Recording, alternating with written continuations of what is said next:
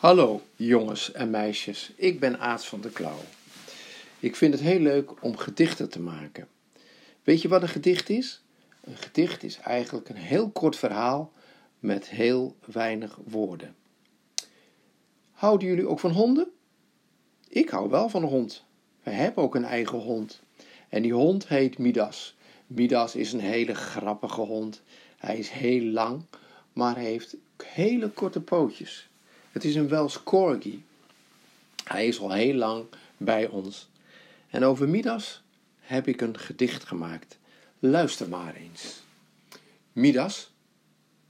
Midas.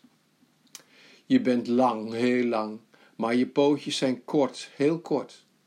Toch kun je heel hard lopen en supersnel draaien. Lang en laag bij de grond snuffel je overal, op zoek naar wat lekkers langs de weg. Je buik is vaak vies. Als ik hondensnoepjes verstop, ga je als een speer door de kamer.